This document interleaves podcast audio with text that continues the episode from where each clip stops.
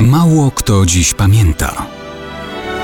Datownik historyczny prezentuje Maciej Korkuć.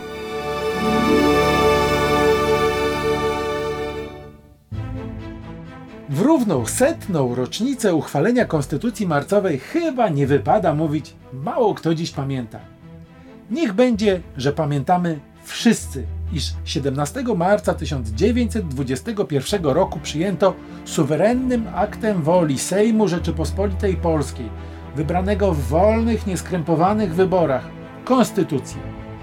Pierwszą po rozbiorowej niewoli, nie bez powodu nawiązującą do tej poprzedniej, Konstytucji 3 maja z czasów ratowania Rzeczypospolitej przed upadkiem. Niech więc uroczysty wstęp Konstytucji Marcowej przypomni nam ten podniosły moment sprzed równych stu lat.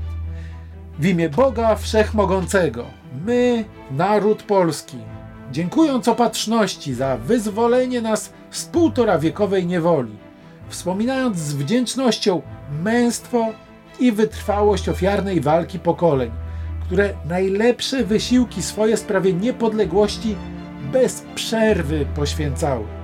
Nawiązując do świetnej tradycji wiekopomnej Konstytucji 3 maja, dobro całej, zjednoczonej i niepodległej matki ojczyzny mając na oku, a pragnąc jej byt niepodległy, potęgę i bezpieczeństwo oraz ład społeczny, utwierdzić na wiekuistych zasadach prawa i wolności, pragnąc zarazem zapewnić rozwój wszystkich jej sił moralnych i materialnych, dla dobra całej odradzającej się ludzkości, wszystkim obywatelom Rzeczypospolitej równość, a pracy poszanowanie, należne prawa i szczególną opiekę państwa zabezpieczyć.